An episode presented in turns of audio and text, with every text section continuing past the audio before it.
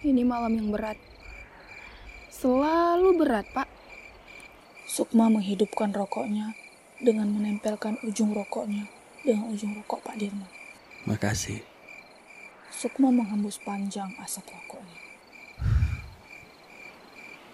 Setiap malam kau bilang berat. Pak Dirman menggeleng sambil menghisap rokoknya. Kau masih mending, mukamu cantik, badanmu bagus.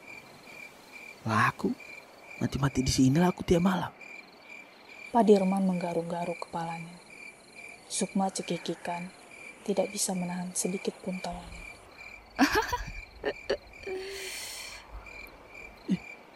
Kenapa kau? Kau pula? Pak Dirman bingung. Sukma masih tertawa. Gini, gini, gini, Pak ya.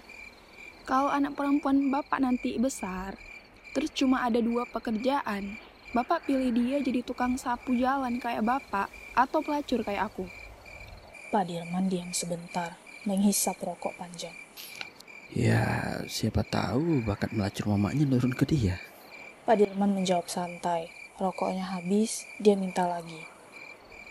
Bapak nggak pernah cerita, Mama Sri mantan pelacur. Sukma bingung, sedikit kesal dimintai rokok. Masih. Jawab Pak Dirman singkat. Mangkal di mana? Sukma antusias. Terakhir kali aku lihat di Megamas, Megamas. Pak Dirman diam sebentar.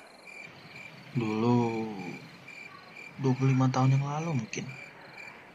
Keadaannya persis kayak gini. Seperti ini gimana? Sukma bingung sambil menyibakkan rambutnya. Dia pelacur, aku tukang sapu. Dulu aku masih kuat, siang kerja bangunan, malam tukang sapu. Kami sering ngobrol. Katanya dia suka sama aku. Dia cantik, aku suka sama dia. Kami cerita tentang kerjaan. Katanya jadi pelacur gak enak. Gak bisa nikmatin apa-apa. Udah gitu, yang pakai dia badannya bau-bau. Pemaksa, gak pakai foreplay. Keluarnya cepat. Nafsu-nafsu gak jelas gitulah. Memang gitu ya? Em, kebanyakan gitu sih, Pak. Sukma malu-malu. Terus, Pak, Pupilnya membesar, Sukma antusias. Ya, aku cerita soal kerjaan. Dimarahin bos, ada masalah di kerjaannya gitulah. Aku sempat bilang kerjaan dia enak, tinggal ngangkang, dapat enak, dapat duit. Aku belum tahu waktu itu gimana tersiksanya main sama orang yang nggak kita suka. Belum lagi sanksi sosialnya. Dibilang lonte lah, tuna susila lah. Padahal kalian ini kan pelacur ya. nggak ada bedanya, Pak. Sukma spontan menjawab. Eh, terus, Pak, Jadi udah semakin jauh hubungan kami. Terus ya kami main. Sukma lagi-lagi spontan. Lebih antusias. iya. Gak kenal tempat loh. Di halte, telepon umum, ATM, taman, ganggang buntu. Gila kalian. Pak Dirman mengenang. Sukma menggeleng. Malam itu mendung. Awan seperti sudah mengandung sembilan bulan setengah. Ayo kita berteduh, Sup. Pak Dirman bangkit dari tempat duduknya. Tangan Sukma ditarik. Pak, Bapak nggak lagi nafsu sama aku kan? Sukma menahan sedikit tangannya sambil masih tetap duduk. Pak Dirman berhenti. Sekarang enggak. Nanti mungkin. Hmm, setan. Sukma mengumpat sambil tertawa. Sukma ikut Pak Dirman ke emperan toko.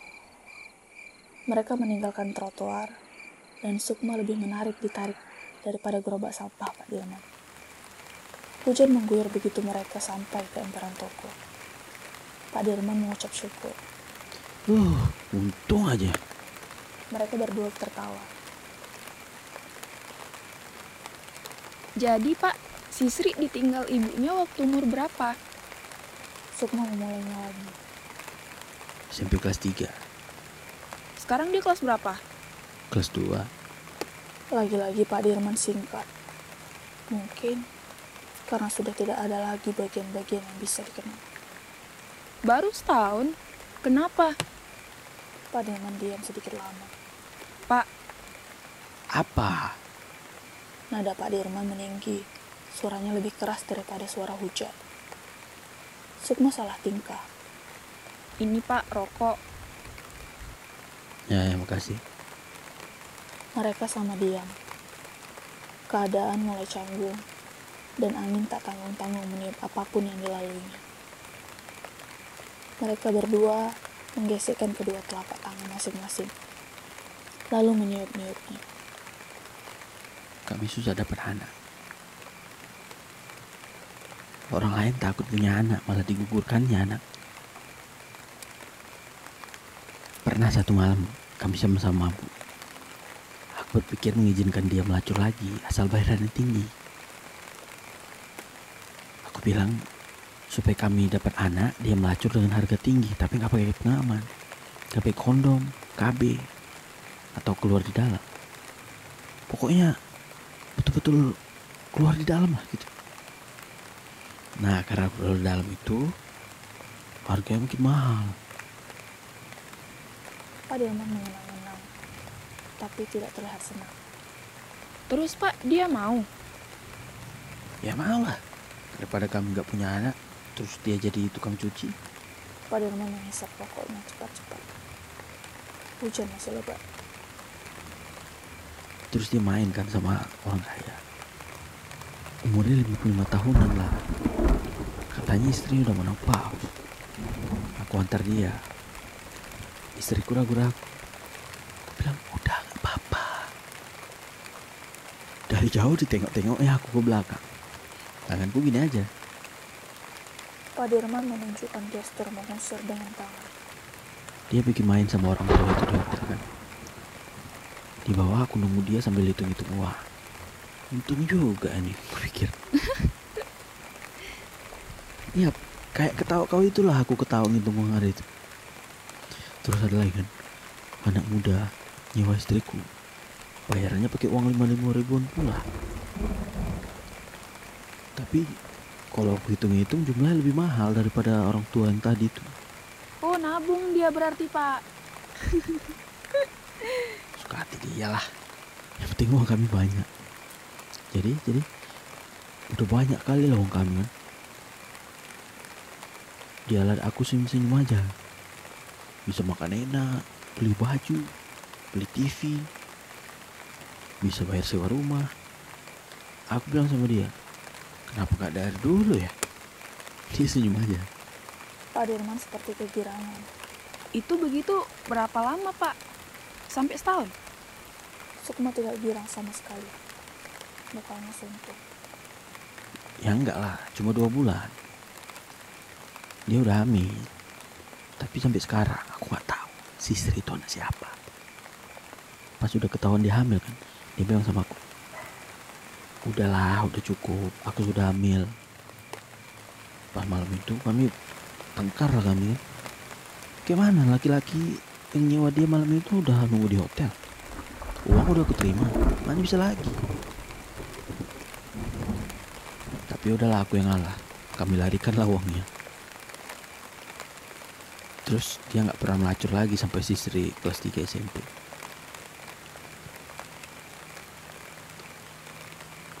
Sisir lambat sekolah. Jadi harusnya dia kelas 2 SMA sekarang. Bukan mendengarkan. Sukma malah sibuk dengan handphone.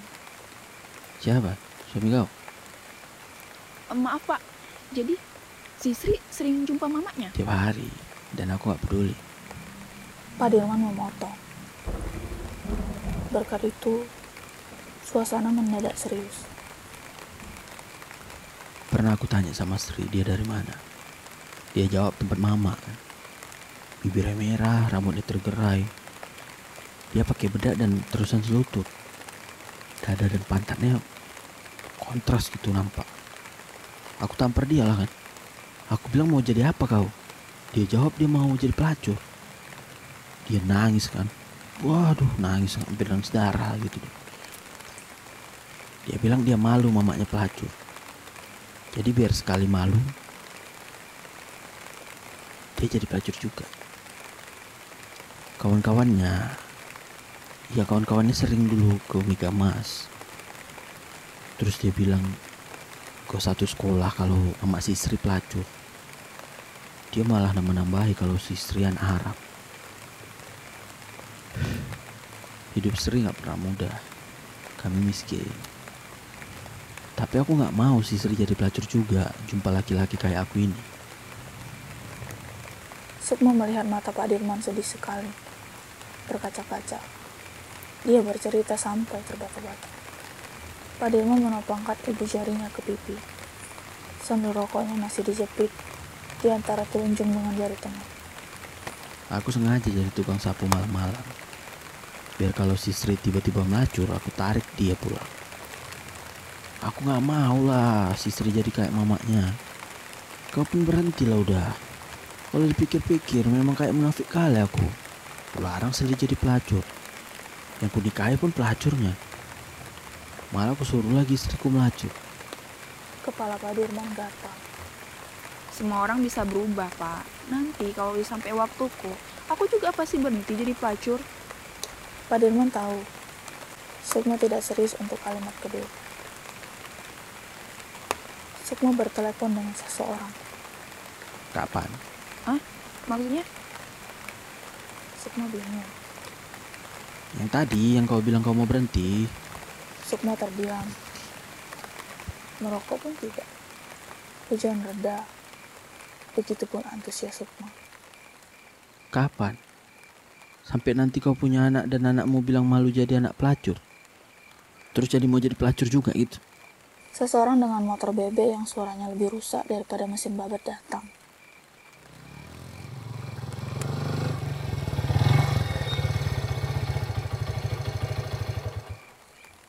Sukma senyum. Getir sekali. Dia menelan ludah. Pak, aku pulang ya, Pak.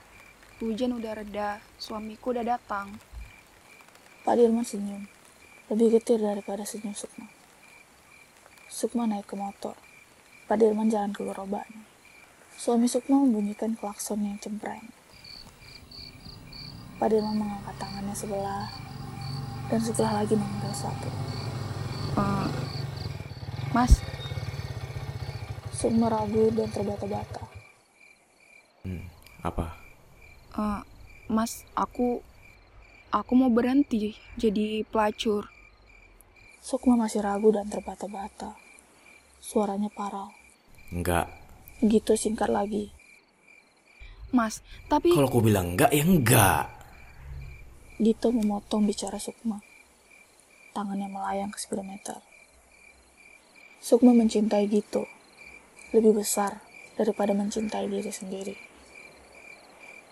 Sukma menangis. Tertahan.